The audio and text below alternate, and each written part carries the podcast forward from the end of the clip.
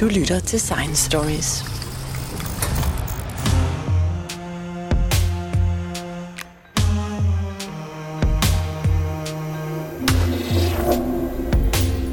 Da den amerikanske udenrigsminister Antony Blinken for nogle tid siden besøgte Danmark, så handlede besøget om udenrigspolitik og Arktis. Men der var også lige tid, mens Air Force One stod og ventede i Kastrup Lufthavn til en afstikker til Niels Bohr Instituttet i København, hvor Blinken havde bedt om at få lov til at tale med de forskere, som arbejdede med kvantefysik, ikke mindst i forhold til kvantecomputere. Jeg er taget ud til Center for Kvanteelektronik på Niels Bohr Instituttet på Københavns Universitet, hvor jeg taler med professor Carsten Flensberg. Og Carsten Flensberg, hvad var det, der fik Antony Blinken til at, at bruge sin tid i Danmark til at tale med jer forskere? Ja, det, det kan jeg kun gætte om, men, men mit, mit gæt vil være, at der lige nu foregår et stort kapløb øh, internationalt og i, øh, inden for kvantecomputerverdenen. Og det er både nationalt øh, i Europa, i USA og i, i Kina, og øh, store virksomheder er involveret. Øhm, så jeg tror, at, at Anthony Blinken han var ude på at høre, hvad foregår der her, som er et af de førende steder inden for, for området. Og også hvem samarbejder vi, med, så der er noget sikkerhedspolitik i det. Øhm, og så er der også en god historie med, at vi har haft et, øh, et samarbejde med en amerikansk, stor amerikansk virksomhed, Microsoft, og så vores center her. Så det tror jeg var de indgange, der ligesom førte ham hertil. Men Carsten Flensberg, hvordan kan det være, at man lige pludselig snakker om kvantecomputer? Nu er I ved at nå et gennembrud. Altså jeg kan huske, at man har snakket om det i over 20 år. Hvad sker der? Ja, der, der er sket skal sige, et langsomt gennembrud. Teknologien bliver bedre og bedre, og øh, altså, der har været et par gennembrud her for nylig med Googles, øh, det, det, det de kalder quantum supremacy, hvor de kunne løse et problem, som ikke kan løses klassisk, kan man sige, øh, på en, en, en almindelig computer. Så der er ligesom en, en række muligheder, der rækker ud i noget, noget sikkerhed, noget kode, øh, kryptografi og, og andre anvendelser, hvor de store sikkerhedsorganisationer, de siger, ah, det her det kunne hen, kunne hen og blive farligt, eller kunne anvendes til noget, øh, så, så det går begge veje. Um, men spørgsmålet om, om der er sket noget nyt, der, der er sket en langsom udvikling over de sidste lad os sige, 20 år. Øh, for 20 år siden var det mest teori, og, og de første enheder, qubits, som vi måske skal snakke om, blev begyndt at blive fremstillet. Og så er det langsomt blevet flere og flere, man har fået bedre og bedre kontrol, og nu er vi oppe på et antal, som måske er, lad os sige 50 i det her Googles tilfælde, eller 53 for at være præcis. Og øhm, så det begynder at nærme sig noget, hvor man kan tænke på en anvendelse. Men det er stadigvæk ikke altså et, nær et gennembrud, hvor vi siger, nu kan vi lave noget, vi ikke kunne før. Altså, der er lang vej endnu. Men lad os lige gå tilbage og repetere, hvad er egentlig en kvantecomputer? Kan du forklare, hvordan den egentlig fungerer, og hvad er princippet bag? Ja, så skal vi lang vej tilbage jo. Så skal vi ligesom øh, starte med, hvad kvantemekanik er. Og øh, kvantemekanik, som jo startede her i København i, i 20'erne til beskrivelse af atomer og, og andre små systemer, det er fysiske love for, for, ja, for små systemer, som er fundamentalt anderledes end de fysiske love, vi er vant til. Og især de forskellige, i og med, at, at den matematiske beskrivelse er, er en bølgeligning, så ting er, er bølger, så man har måske hørt om det her bølge-partikel-dualitet. Og det, der er særligt specielt, det er så, at den fysiske virkelighed, den er sandsynlighedsbestemt. Altså man, man har sine bølger, og det giver en sandsynlighed for nogle udfald, nogle målinger, som man kan foretage. Og, og vi skal helt tilbage til 1600-tallet, hvor Huygens og, og Newton diskuterede om, om lys var en bølge eller en partikel. Ja, vi kan sådan set godt gå tilbage dertil, og det kan man sige, den diskussion blev på en måde afsluttet i 1800-tallet, fordi så altså elektromagnetisme blev færdiggjort, og man, og man forstod, hvad lys var, og, og at, at det var en bølge, den kunne lave interferens. Øhm, der kunne også være et stråletryk, så, så på en måde kunne man godt have lidt partikeltanke i det, men, men altså, det var velforstået.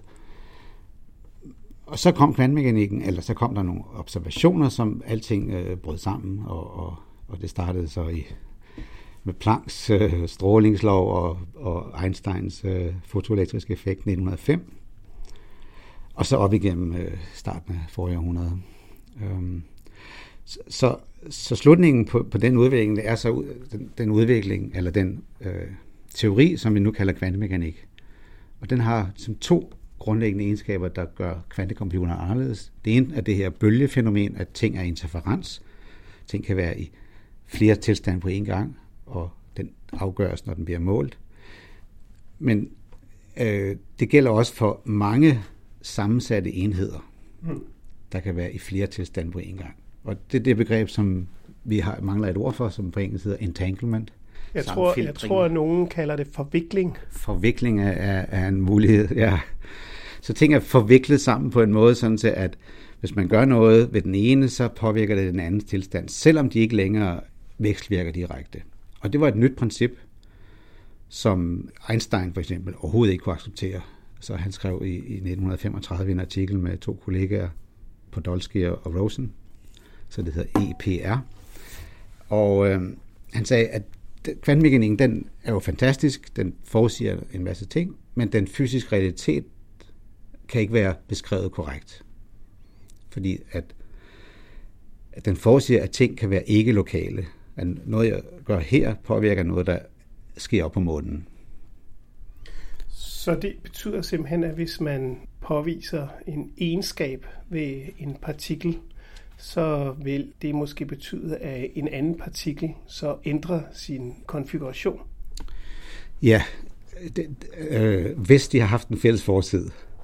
Ikke? Så, så, så eksperimentet, man skal udføre, og det var så det eksperiment, der blev lavet øh, med fotoner for nogle år siden, man tager to fotoner, sørger for, at de er i en tilstand, sådan at de er modsat hinanden i en vis forstand, separerer dem øh, på hver sin side af alberne, og måler den ene, og så øh, ved man, hvad det udfald er, og så medfører det, at instantant øh, afgøres den anden tilstand også. Og det er måske ikke så mærkeligt i sig selv, fordi man ved, de er så hvis man har den ene, så ved man også, hvad den anden er. Men pointen er, at man kan, man kan ændre den måde, man vælger at kigge på den på indtil sidste øjeblik, og den anden, den øh, følger med slavisk. Okay, og det der, det der så er problemet med det, det er, at, øh, at det er uanset distancen. Og det vil så sige, at man kan påvirke noget øh, over uendelige distancer hurtigere end lysets hastighed. Det kan man, ja. Man kan påvirke det hurtigere, men man kan ikke sende et signal. Der er ingen informationsoverførsel, så du påvirker det øjeblikkeligt, og så bagefter, så kan man så ringe til hinanden og, og spørge og lave statistik over det, der skete, og så sige, jeg fik 1, du fik 0, jeg fik 1, du fik 0 og 1 og så videre, og så lave en tabel over det og sige, ah, det jeg gjorde påvirkede det, som du fandt. Men informationen er, er skal man sige, skal sammenlignes bagefter. Så der er heldigvis ikke nogen modstrid. Og det vidste de også godt dengang, Einstein. Så, så, så det skulle sættes på formel, kan man sige, og det skete så i 60'erne med, med noget, der hedder Bells ulighed, hvor han satte på formel, at, at øh, måske er der nogle skjulte variabler, som vi ikke har hørt om. Der er på en eller anden måde noget skjult i, i, i hver partikel, som vi ikke har kendskab til. Og, og så satte han så på formel en begrænsning for, hvad de skjulte variable kan gøre lokalt. Og, øhm, og den begrænsning medfører så en ulighed. Noget skulle være større end noget andet. Og det har man som mål, at den er brudt. Verden er ikke lokal. Så det, jeg gør her, kan påvirke det, der sker et andet sted øjeblikkeligt. Det lyder nærmest sådan lidt hemmeligt. Øh, hvad, hvad, hvad er det for nogle øh, egenskaber, vi snakker om? Øhm, jamen, det er nogle egenskaber, så, altså, det, det, altså, det er jo ikke noget, som vi kan overføre til vores verden. Altså, man kan godt begynde at filosofere over, altså, det jeg tænker nu, det kan påvirke telepatisk, hvad naboen gør. Sådan er det ikke. Altså, det er nogle ting, som øh, er en kvantemekanisk tilstand. De skal være fuldstændig isoleret fra deres omverden to partikler for eksempel, som ikke må snakke med noget som helst andet, eller påvirke sig noget som helst andet. Så det er jo en teknisk udfordring at tage to fotoner eller elektroner og separere dem øh, med, med stor afstand, uden at påvirke dem med noget andet. Så det er sådan en meget forfinet egenskab, som øh, øh, jeg findes på den lille skala, men også på den store skala, øh, hvis man kan teknisk gøre det. Men det er ikke noget, der sker naturligt, den her øh, entanglement over lang afstand. Okay, men det vil sige, at man behersker en teknik, der kan fremkalde entanglement øh, rent fysisk, og det vil sige, at man kan skabe den her form for kvantetilstand. Og hvordan kan man bruge det til noget som helst? Øh, ja, man behersker den teknik. Øh, måske først lige sige, at, at, det, at det er noget, der findes i naturen hele tiden. Hvis du tager et molekyle, så de elektroner, der er inde i molekylet, de er entanglede fuldstændig, fordi det er den tilstand, som, som molekylet er i, og, og den følger kvantmekanikkens lov. Men det man så kan bruge det til, når man så laver bits ud af dem, altså nogle logiske enheder, ligesom dem, der sidder i din computer, som består af, af 0 og 1-taller, så, så kan vi nu overføre den egenskab til et lidt større apparat, kan man sige, en teknisk dims, vi laver. Og det vil nu være i en entangled tilstand, hvis vi er dygtige til at kontrollere det. Det vil sige, og så de mange bits, lad os sige 5 bits, det er mange i min verden, 5 er et stort tal, så kan de være i forskellige tilstande, lad os sige samtidig. Så det kan hedde 0, 1, 1, 1, 0, eller det kan hedde 1, 0, 0, 0, 1, og så videre. Forskellige tilstande samtidig. Og så kan vi lave en operation på den. Og på en måde laver man operationen på alle de forskellige muligheder samtidig. Så det er sådan en, en parallel beregning, som øh, overstiger fantasien på en måde, fordi hvis der nu er 100 af dem, så, så er der i princippet to opløftet til 100, altså 2 gange 2 gange 2 gange 2 gange 2, 100 gange, som er et stort tal. Ja, så det er mere en, en antal sandkorn øh, det, det er stort, på jorden. Ja, 2 i 10 er, er 1000, og så det er 1000 10 øh, gange, ikke? Så det, så det er 30 nuller. Ja. Så det, hvad man har arbejdet med, øh, med hvor mange bits Ja, ja der, der, altså de, i de fleste laboratorier, der er man nede på nogle få, fordi man øh, stadig arbejder på at forfine det, og, og målteknikkerne og, og kontrollen over det er, er rigtig svær. Så, så rekorden er der, som jeg sagde før, 50-100 stykker. Og når du siger, at, uh, at den her beregning sker samtidig, så mener du det virkelig? Så, så er det ikke noget med et mikrosekund senere et andet sted? Altså jo, det er samtidigt. Øhm, og, og det tager den tid, som det tager at opføre øh, og udføre operationen. Altså du drejer håndtaget. Den tid, det tager at dreje håndtaget, laver du to i, i hvad det nu er, tiende operationer. Og det er så heller ikke den fulde sandhed, fordi altså, man skal forstå algoritmerne for at øh, rigtig forstå, hvad, hvorfor de er hurtigere end, end, end, det, end det sædvanlige metode. Men det er populært sagt, det at man kan gøre en masse ting samtidigt. Men, men altså, nu vil vi gerne forstå det. Lad os starte med, med det praktiske. Altså, hvad sker der i den her bit? Man er nødt til at køle den ned for at overhovedet få det til at fungere. Ja. Øh, hvordan kan det være? Ja, der er forskellige slags bits. Så lad os starte med det, eller qubits. Og de fleste af dem, de, det er noget, der fungerer ved lav temperatur. Um, det er enten en, et enkelt spænd på en elektron, eller det kan være en superledner, hvor strømmen løber den ene vej rundt, eller den anden vej rundt. Så det er nogle meget følsomme fysiske frihedsgrader. Og øh, så det køler vi så ned i et, et, en krystat til 100 millikelvin, det vil sige en tiendel grad over det absolut nulpunkt, minus 273 grader. Og øh, dernede ved de lave temperaturer er der næsten ingen bevægelse i, i, i det materiale eller den chip, som enheden sidder på. Og øh, det, det er det, der gør, at, at de kan bevare deres kvantmekaniske forfinede tilstand i lang tid. Øh, fordi hvis man køler en lille smule op, så bliver de påvirket af omgivelserne, som så, kan man sige, måler på dem. Altså der er sådan en lidt en misforståelse nogle gange, når man snakker om det der med, at en måling i kvantmekanik påvirker tilstanden. Og det er rigtigt. Men så tænker man, at det er noget, et menneske gør, eller et bevidsthed skal gøre. Sådan er det ikke nødvendigvis. Det kan også være en, en anden ting, der gør det. Og i det her tilfælde er det chippens omgivelser, som, som tager noget information ud af den kvantmekaniske tilstand og bærer det væk og glemmer det, og dermed ødelægger den. Og det er også det, der gør, at det er svært at skalere op. Fordi folk de siger til, Nå, nu har I en, nu har I to, nu har I fem, så kan I det bare lave mange.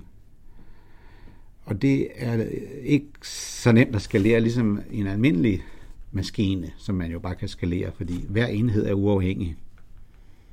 Men nu er enhederne i den her sammenfiltrede tilstand. Og, og det skal nu, alle 100 skal være i den samme forfinede, sammenfiltrede tilstand, som ikke må øh, mærke omgivelserne, eller næsten ikke i hvert fald. Så, så, så det er ikke sådan, at den skalerer nemt.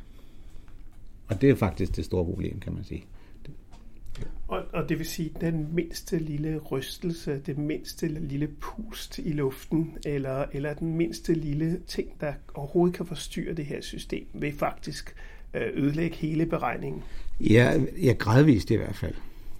Øhm, så, så den ikke ødelægger det fuldstændig, men fra at gå for 100%, øh, øh, så, så er det måske 99% godt, og så mister beregningen sin, sin nøjagtighed. Så den kan stadig benyttes, men og skal måske gøre det mange gange og lave statistik på det, men øh, nytten af det bliver mindre og mindre, jo mere det bliver påvirket af andre ting. Men det vil sige, at I efter mere end 20 år, så er I stadigvæk på det niveau, hvor at, øh, at det fysiske, I arbejder med, er ekstremt sensitivt og også øh, skal foregå ved ekstremt lave temperaturer og kræver meget avanceret apparatur for overhovedet at fungere. Ja, ja, det kan du godt se, øhm, og det kommer ikke til at ændre sig, og, men, men det er sådan set ikke problemet i sig selv, at det skal være så koldt. Altså fordi man kan købe sådan en fryser, der kan køle ned til øh, en tiendel Kelvin. Øh, den er lidt dyrere end en almindelig fryser, men altså i princippet er det bare en stor fryser, man trykker på en knap, og så en time efter, så er den gold. Og øh, så, så det er på en måde ikke det tekniske problem, men det tekniske problem er, er forfinelsen af af selve chippen og de fysiske enheder, der er, og målteknikkerne, fordi man skal også kunne måle på dem. Dels skal de være uberørte, og dels skal man kunne måle på dem. Der er så en modstrid der. Så man skal sådan kunne tage sit måleapparat fra og køre computeren. Men det er jo også at påvirke den, så det skal jo også være meget forfinet. Så, så det er alle de der ekstra ting. Og, og man skal ikke forestille sig, at det bliver på noget tidspunkt, ja, det vil jeg da tro i hvert fald i min levetid, og måske også i din, at, at vi har sådan en i lommen. Altså, og, og det er heller ikke formålet, fordi hvorfor skulle vi have det? Vi har noget, der virker ganske udmærket. Ja, så vi har almindelige computer. Vi har almindelige computer, ja. Øh, men her har vi så at gøre med noget, som kræver lidt ekstra, kan man sige. Både at man styrer omgivelserne fuldstændig, og man også har en masse ressourcer til at køle det ned og, og så videre. Mm. Men jeg tænkte også på selve Øh, virkningen, altså den her entanglement-funktion, hvordan får man den til at virke? Altså, hvordan kan man få øh, beregninger ud af det? Øhm, ja, beregning, beregningens styrke ligger i, at, at de er entanglet. Og, og så øh, kører maskinen lidt på samme måde som en almindelig computer. Det er sådan en sekvens af operationer, der gøres. For hver sekvens øges entanglementen, eller påvirkes i hvert fald. Og til sidst så læser man ud. Og der læser man ud i en tilstand, som er fuldstændig entanglet, og, og på en måde, som man, man ønsker, og så svaret er så beregningen, kan man sige. Lad os sige, at vi har en kvantecomputer, som får en opgave, og den kommer så med den her øh, hvor meget hurtigere eller hvor meget bedre vil den være end, end en almindelig computer? Jamen det kommer an på, hvilken type opgaver det er. Så, så, så der er nogle bestemte typer opgaver, som øh, er, er vanskelige. Og, og det, et eksempel er faktorisering af primtal. Og det er sådan alle vores øh, sikkerhedskoder på internettet er lavet. Vi kender sikkert alle sammen det der HTTPS, det der S står for, at det er sikkert overført med, med sådan en RCA-kode. Og princippet i den kode, eller i den uh, kryptering, er, at, øhm, at øh, der er to primtal, som når man ganger dem sammen, så får man et stort tal, og, og hvis du kender det store tal, så er det rigtig svært at finde de to primtal, men det er nemt at gå den anden vej. Øhm, så primtalsfaktorisering er et eksempel. som det tager eksponentielt lang tid at gøre det klassisk. Så der findes en algoritme, som, hvor man kan se, den er eksponentielt hurtigere at gøre det på en kvantecomputer. Så det er et eksempel. Så hvorfor skulle man gøre det, kan man sige? hvorfor skulle man opfinde en maskine, der ødelægger al den sikkerhed, vi har på internettet? Ja, det er selvfølgelig det er så et kapløb, ikke? fordi hvis nogen gør det, så skulle vi så gerne have et næste skridt, og så kan man lave kvantekryptering. Det er så en anden anvendelse af, af kvanteteknologi, hvor at man sender signaler, og på grund af den her entanglement, øh, som bliver ødelagt, så kan man måle, om der har været en i midten og lytter med på kanalen. Det lyder kompliceret, må jeg sige. Øhm, jeg tænker på den software, der skal mm. udvikles for at få det her til at fungere. Hvem laver det, og hvordan arbejder man med software i sådan et system? Jamen det, det er faktisk også et stort problem, fordi i virkeligheden kender man ikke så mange algoritmer. Den her algoritme, som jeg lige fortalte om, hedder Shores algoritme, er en af de få, og en af de eksempler, der er nogle andre algoritmer, som kan slå op i en tabel på en særlig hurtig måde. Men der er ganske få, og, og, og det er faktisk lidt ukendt. Så hvis vi havde den i morgen, den der maskine, så kunne vi ikke rigtig bruge den til noget. Hvis, eller vi, kunne ikke rigtig, vidste ikke, hvad vi skulle bruge den til, men vi var helt sikre på, at vi fandt på noget. Men... Og det, det, det, du fortæller mig nu, det er, at hvis man har en kvantecomputer, så, så er der så få regnestykker, øh, man kan lave på den, så man nærmest øh, bliver verdensberømt, hvis man bare har eller man kan få sit navn i historiebøgerne, hvis man bare har en problemstilling, man kan putte ind i kvantecomputeren. Ja, hvis du, hvis du finder algoritmen, så får du dit navn på det. Øh, men, men den her primtalsfaktorisering, den er sådan i en, en universal klasse, kalder vi det, af andre problemer, som hvis vi kan løse den, kan vi nok også løse de andre på samme metode. Så, så der, er, der er mange gode idéer. Og en af de måske mest anvendbare øh, ting kunne være, at man kan forstå andre fysiske systemer. Man kan bruge det til at simulere molekyler og kemiske bindinger og, og materialers egenskaber. Man kan simpelthen lave en, en, skal man sige, en analog computer øh, af en, et molekyle. Man bygger et molekyle op af nogle enheder kunstigt, og kører det og ser, hvordan det reagerer.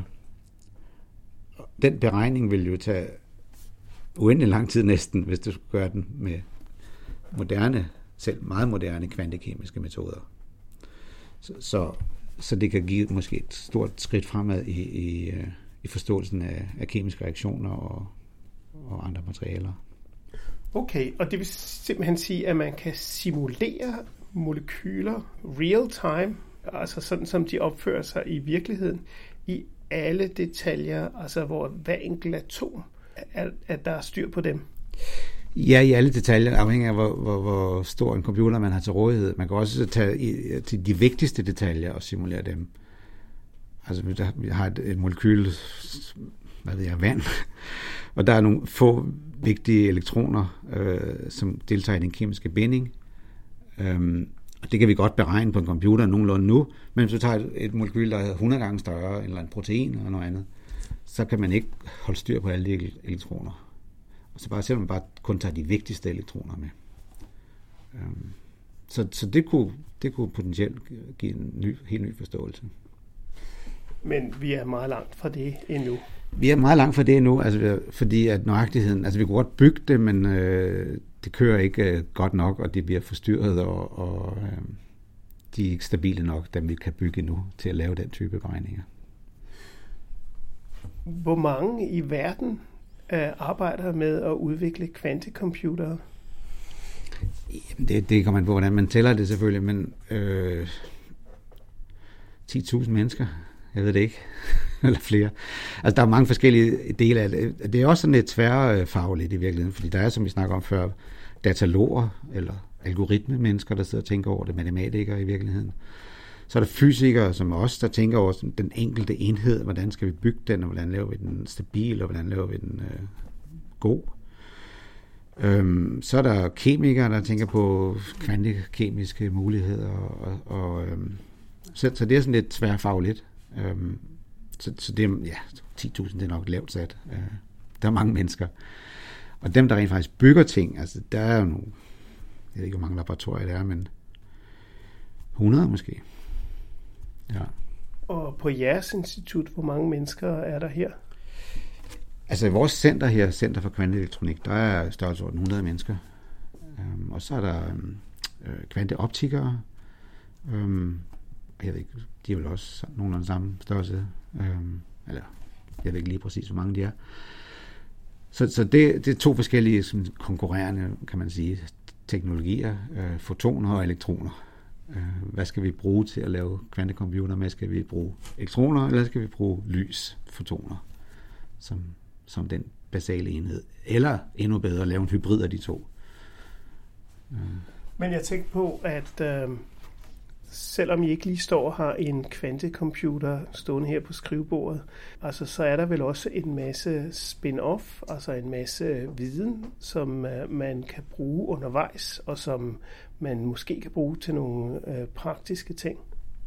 Jamen, det er, altså kvanteteknologi er mere end, end bare kvantecomputer. Der er øh, kryptografi, som vi snakker om før. Så er der sensorer, som jeg også laver på Niels Bohr Instituttet, hvor at man bruger kvanteteknologi til at uhyre præcise målinger. Øh, af vibrationer og, og andre ting. Elektriske felter, magnetfelter. Øh, og så er der hele den, hele den infrastruktur rundt omkring det. Altså lave apparaterne, der kan bruges til forskning i kvantecomputere. Og der er et firma her på i vores center, der er spundet off, som hedder Cute Devil, godt navn, øhm, som laver øhm, elektronikken, der skal interface den høje, den, den store temperatur elektronikken med, med den her lavtemperatur øh, kvantecomputer eller kvanteteknologi. Så, så der, der vil være mange afs, ja, afsbundne teknologier. Ja. ja, man kan sige, at der er en hel industri omkring det at lave øh, forsøg eller studere øh, kvanteteknologi. Men øh, på et eller andet tidspunkt, så bliver det vel også øh, praktisk øh, anvendt. Måske ikke lige i morgen, eller, men, men det er jo en, en global udviklingsproces. Hvad taler vi egentlig om? Taler vi om, om noget om 5, 10 eller, eller 100 år? Hvad tror du? Ja, det, er, det er det, der vanskelige spørgsmål. Hvor mange år går der? Øh, altså det, jeg, som alle anden teknologi, tror jeg, det starter i det små. Der kommer en eller anden lille niche-ting, en sensor, en øh, simulator af nogle kemiske øh, reaktioner, øh, som giver en lille forbedring, og, øh, og det kan være inden for det kan være om, 10, om inden for en 10 års horisont. Mm. Og så må det så udvikle sig derfra. Så må ligesom økonomien i, i, i den teknologi tage over og, og hjælpe til med at drive den videre. Ja, fordi vi er jo blevet vant til uh, med vores uh, computerteknologi, at den fulgte det, man kalder Moores lov. Ja. At uh, hver uh, 18. måned, der fordoblede man computerhastigheden, og det vil sige, at man skulle hele tiden uh, købe nye computer for at have en, en, der kunne køre det software, som man nu havde udviklet. Mm. Og en meget smart måde at få folk til at, at forbruge computer uh, mm. rigtig meget. Men det stoppede jo på et eller andet tidspunkt, og nu har man nået et punkt, hvor at man faktisk skal have en kvantecomputer for at kunne øh, fordoble hastigheden. Altså vi kan ikke, vi kan ikke fysisk øh, fordoble hastighederne længere. Men der er altså kvantecomputeren jo ikke rigtig øh, kommet med i ræset endnu. Nej, vi er ikke klar til at fortsætte øh, den kurve, og så sige, okay, nu tager vi over, så, hvor I slap. Altså, sådan er det ikke. Så Mors lov er slut, det er rigtigt nok. Øhm, det har fladet ud. vi kan ikke, enkelte transistorer kan ikke blive mindre og kan ikke køre hurtigere. Men det betyder ikke, at computeren ikke bliver bedre jo, øh, fordi man begynder så at bygge i flere lag og bedre algoritmer og større chips og, og så videre. Så, så nu, hvis, når man snakker om kvantecomputeren er det nye øh, unikum, så skal man jo også tænke på, at om 20 år er den almindelige computer også udviklet. Så, så det er jo konkurrenten. Og, og det er jo noget, der virker. Altså sådan en chip, du har inde i din telefon der, den, den har en milliard transistorer, der alle sammen virker. Altså, det, er jo, det er jo noget, jeg sidder og snakker om før, vi har fem eller 100, ikke? der måske virker. Så altså, konkurrenten, den er, den er hård. Ja, og så må man også sige, at hvis man får det til at virke, hvis man laver de her programmer, der kan, altså den software, der kan køre, øh, så kan vi måske, måske ikke lave beregninger, som kan nå langt ud over det, man kan beregne. Og så kan vi beregne de fysiske egenskaber af, af simulationer af ting. Altså så det vil sige, at man måske kunne øh, beregne, hvad der sker, hvis man gør nogle bestemte ting med et, øh, et biologisk molekyle, eller hvad ved jeg, måske et helt menneske. Mm. Ja, ja, biologiske systemer er selvfølgelig øh, altså det, det, man gerne vil nå hen. Men desværre er biologien jo rigtig kompliceret og, og meget store systemer. Øhm, så når vi snakker om, om simulere molekyler, så er det sådan en NO, eller altså, små molekyler, og selv det mest øh, latterlige lille biologiske molekyler er jo mange, mange, mange gange større. Så der er altså rigtig lang vej. Men altså, jeg kan ikke sige, hvor mange år der går, om vi, om vi nogensinde kommer i nærheden af det. Men det bliver, jeg, jeg tror på, at det er en teknologi, der kan anvendes, og man kan også sige, mennesker har jo altid brugt naturens, det som naturen har givet os til et eller andet. Og det her princip med entanglement er jo et princip, vi ikke har brugt til noget endnu. Så vi er næsten forpligtet til at prøve, eller i hvert fald, øh, det er sjovt at prøve. Øhm, så, så det er egentlig mere at se det på den måde. Det er stadig meget eksplorativt og for, grund, simpelthen grundforskning. Det kan man lige så godt indrømme. Ja, så du mener, at det største problem er i virkeligheden, at vi ikke har tænkt øh, ordentligt over, hvad vi kan bruge det til. Ja. Øh, og, og det måske i virkeligheden kan bruges til meget mere, end man, end man umiddelbart forestiller sig. Det tror jeg, altså mennesker er jo hittet på sådan, så nogle de siger, at selvom der har 100, så kan det ikke bruges til noget, eller 1000 af de her enheder, fordi en, en klassisk computer kan gøre det lige så godt. Og det tror jeg simpelthen ikke er rigtigt, fordi den virker på en ny måde, og så plejer vi jo at være snedige nok til at kunne få noget ud af det. Og det vil vi nok også være her. Det har jo også vist sig, at nogle af de gennembrud, man har lavet for mange, mange år siden, for eksempel Einstein og Niels Bohrs teorier i 20'erne og 30'erne, at, at det har jo betydet, at man for eksempel kan kan have GPS-systemer, som kan fungere, og som jo har rigtig mange nyttige funktioner, at man, øh, at man kan have satellitter, og, og selvom de bevæger sig derude, og tiden går forskelligt øh, ude i rummet, end den går hernede på mm. jorden, mm. på grund af tyngdekraften mm. og sådan nogle ting. Alt det kan man tage med i beregningerne mm. og få det til at fungere. Hvor går grænsen for kvantecomputerteknologien? Jeg ved ikke, hvor grænsen går, men, men, det, men for at svare på noget af det, så, så er det rigtigt, at alt det, som Bohr og Einstein og de gamle gutter der i 20'erne fandt ud af, det, det er jo i al vores teknologi. Altså også den almindelige øh, computerteknologi. Altså kvantemekanik er, er, er jo en vigtig del for at forstå faste stoffer og transistorer og GPS, som du siger. Øh, der skal ovenkøbe relativitetsteorien ind over. Øh, så, så det er alle vejen, og det, og det er blevet benyttet. Øh, så, men der var et element af det, vi har endnu ikke har ligesom gjort til vores slave, og det er den her entanglement, øh, særlige samvikling der.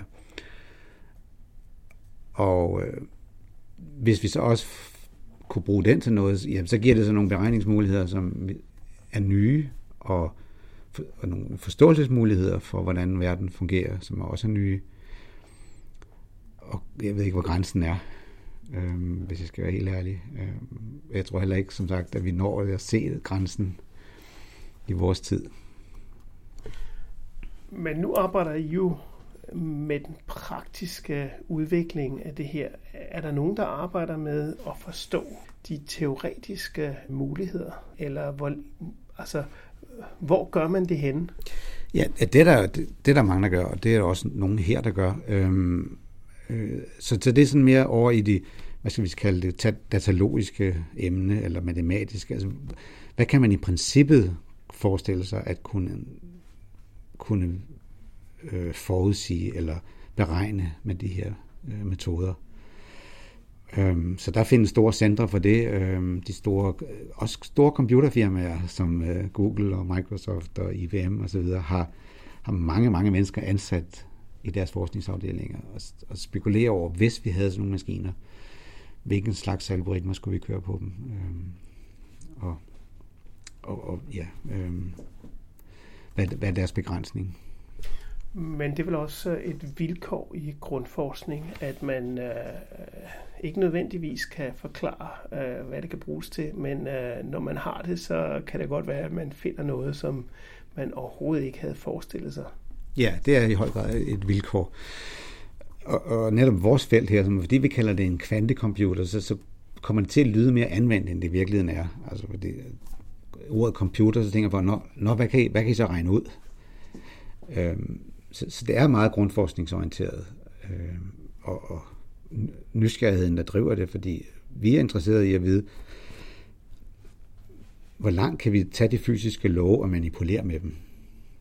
Fordi når man gør det, så forstår man dem også bedre og afsøger deres grænser øh, for, hvornår øh, kvantmekanikkens love krydser over til de almindelige klassiske love, og øh, den overgang er, er meget udfordrende teoretisk og praktisk. Øh, så det er sådan set vores motivation i virkeligheden. Mere end, end det at lave en computer, fordi det er under omstændigheder rimelig vanskeligt. Men dem, der bevilger pengene, har vel en eller anden forventning om, at de på et tidspunkt kommer med en computer og viser den frem? Det ved jeg ikke, om de har. Altså, øh, nu for eksempel Grundforskningsfonden øh, er jo som navnet antyder grundforskningsorienteret. Så de forventer ikke, at vi har et output, men, men det betyder ikke, at vi ikke kan motivere vores forskning med en mulig anvendelse og en, en mulig ny forståelse. Og, begge, og de to ting går også tit hånd i hånd. Øh, og, og andre forskningsbevillingskilder forventer heller ikke, at, at vi lover om et eller andet antal år, vi har en, en computer. Øh, men stadig, det er selvfølgelig en, en langsigtet håb og mål og motivation at, at lave noget, som man ikke kunne før. Så det, at man, man kan have lys både som partikler og bølger, den egenskab, som man har diskuteret i hundredvis af år og har, har fundet øh, løsningen på via kvantemekanikken, øh, den betyder måske nu, at vi, hvis vi ellers har tålmodighed nok, kan, kan finde en helt ny måde at beregne eller opfatte verden på. Det tror jeg. Altså, I hvert fald beregne på. Og altså opfatte verden, den, den, vi har jo allerede opfattet verden på en ny måde i kraft af, af de teorier der. Øhm, og øh, altså i alle de fysiske og kemiske fænomener, vi ser omkring os. Men i og med, at vi kan så bedre kontrollere dem og lave kontrollerede forsøg, så kan vi nå et, et, et stik dybere eller i forståelsen af, hvordan de, de virker. Det er svært at forestille sig, hvordan det rent faktisk vil påvirke os, at vi har den teknologi. Det, det er rigtigt, det er svært at forestille sig. Altså, det var også svært at forestille sig fra, hvad, hvad der skete der med, med, med halvlederindustrien fra 60'erne op til nu, øhm, som er på, på mange måder er parallel. Ikke? Altså, det var også ny teknologi, hvor man pludselig kunne kontrollere på meget lille skala dengang øh, nogle faste stoffer og lave små dæmser ud af dem, og, og, og i dag har vi mikroprocessorer, som vi snakker om før, med milliarder af enheder så, så der kunne man godt sådan sige, jamen det er nok det samme, der kommer til at ske. At lige nu har vi få, om 50 år har vi en milliard, og så er der en helt ny farververden. Øh, altså, vi er jo skeptikere af natur, så, så, så jeg tror ikke rigtigt, at det, at det er samme udvikling. Bare fordi det skete en gang, før det ikke kan ske igen. Øh, så, og dengang er det sværere end sidste gang, vil jeg våge påstå. Og det er ikke fordi, det kun at vi sidder med det som en undskyldning. Det er simpelthen fundamentalt sværere. Og øh, så, så, så jeg tør ikke love, at det giver sådan en revolution i den måde, vi, øh, de ting, vi kan, og den, og den måde, vi tænker på heller. Og jeg tror, det var IBM's direktør, der engang blev spurgt omkring uh, computerens anvendelsesmuligheder. Han sagde, at han regnede med, at der nok ville blive brug for en 4-5 stykker i hele verden. ja. ja, det er rigtigt. Altså, man kan jo gro legalt jo. Ja. Og det kan også være helt grueligt det jeg sidder og gætter på nu. Men øh, sådan en lille almindelig pessimistisk bud, så er det, at det, at det bliver mere begrænset anvendelse. Øh, i vores tid igen. Ja. Og den begrænsede anvendelse skyldes måske også, at, øh, at det kræver ret mange ressourcer at få den her kvantecomputer til at fungere. Altså, når du siger, at, at den enkle ting er at køle det ned til øh, det absolute frysepunkt, øh, men man også skal i øvrigt have fuldstændig styr om, på omgivelserne. Altså, det kræver en hel del. Det kræver en hel del, ja, og, og, og, og det er bare praktisk besværligt. Altså, og det, og det er nemmere at bruge øh, det, som vi kender. Øh, den klassiske måde at gøre det på med almindelige computer, som ikke behøver at bekøle ned. Altså, de vil jo også have fordele af at bekøle ned, kan man sige. Øh, og kunne køre hurtigere, men det gør man jo ikke, fordi det er ikke nødvendigt. Og det kan ikke betale sig? Nej, det kan ikke betale sig. Det koster en frygtelig masse energi jo. Øh, men, men her er det så her er det så nødvendigt.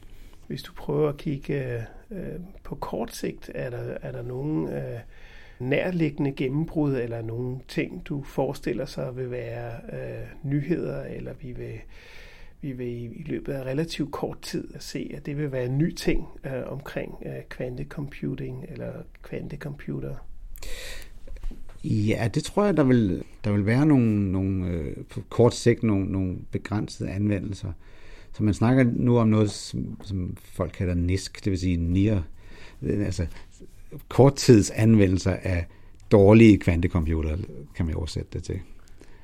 Og øh, fordi vi har nogen, som er dårlige, men måske kunne man finde anvendelser af dem. Og der kunne være nogle, som vi snakker om før, øh, simuleringsopgaver, som kunne anvendes.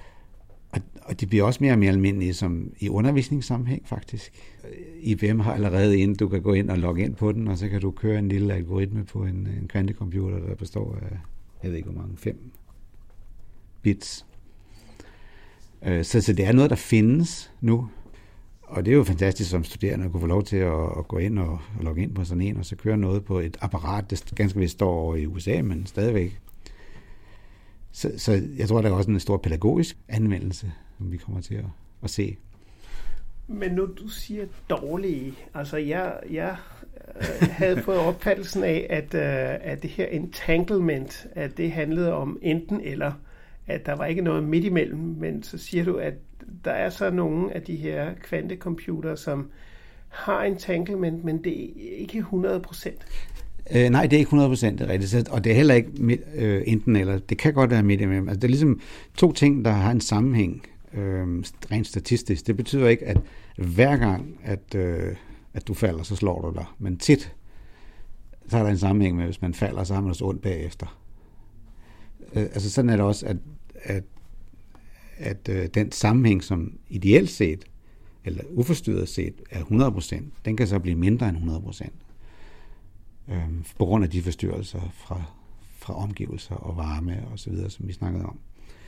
Og den reducerede sammenhæng, sammenfiltring, begrænser så nytbar, hvor nyttigt det er, eller hvor, hvor den beregning, man gerne vil lave, hvor præcis den er. Det vil sige, at man laver en beregning, og så får man så en procentvis statistik for, hvor sikker er beregningen? Ja, så, så, så, det kan du godt sige. Altså, du får en, en, en, øh, en indikator for, hvor præcis det er, og øh, så det bliver sådan et statistisk, så du får måske ikke det præcis det svar, men du får sådan en, det er 50% det og 50% det svar. Øh, som måske dog stadig er bedre end ingenting at vide, eller nu lige med 50% er det ikke så godt, men 75 og 25 så. Øh, så man, man lærer lidt, men, men øh, ikke så meget, som man ellers kunne. Så derfor kan dårlige kvantecomputer være bedre end ingenting. Okay, så vi skal vende os til en verden, hvor uh, at man opfatter uh, tingene statistisk. Ja, det skal vi vende, men det gør vi jo allerede, synes jeg. Altså det ligger jo i hvert fald i, i uh, forsknings-DNA. Alting er jo statistisk. Tættere vi kommer fra 50 procent, jo mere unødigt er det. Tak skal du have, Carsten Flensberg. Jeg glæder mig rigtig meget til, til fremtiden og, og statistikken. Ja, det er godt. Det gør jeg også.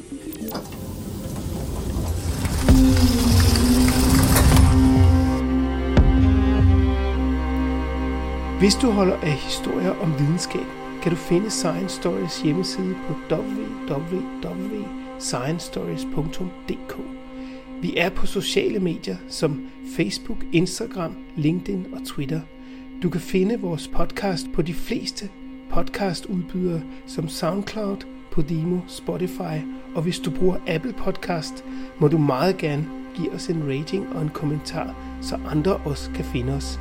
Jeg hedder Jens Deget, og dette var Science Stories.